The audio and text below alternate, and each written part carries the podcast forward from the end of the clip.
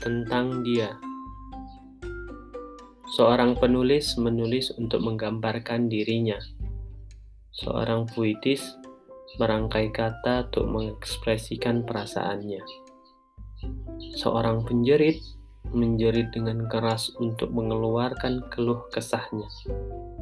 Lain denganku, lain juga denganmu. Wahai kertas, putihmu lambang sucimu. Wahai tinta, warnamu lambang kedermawananmu.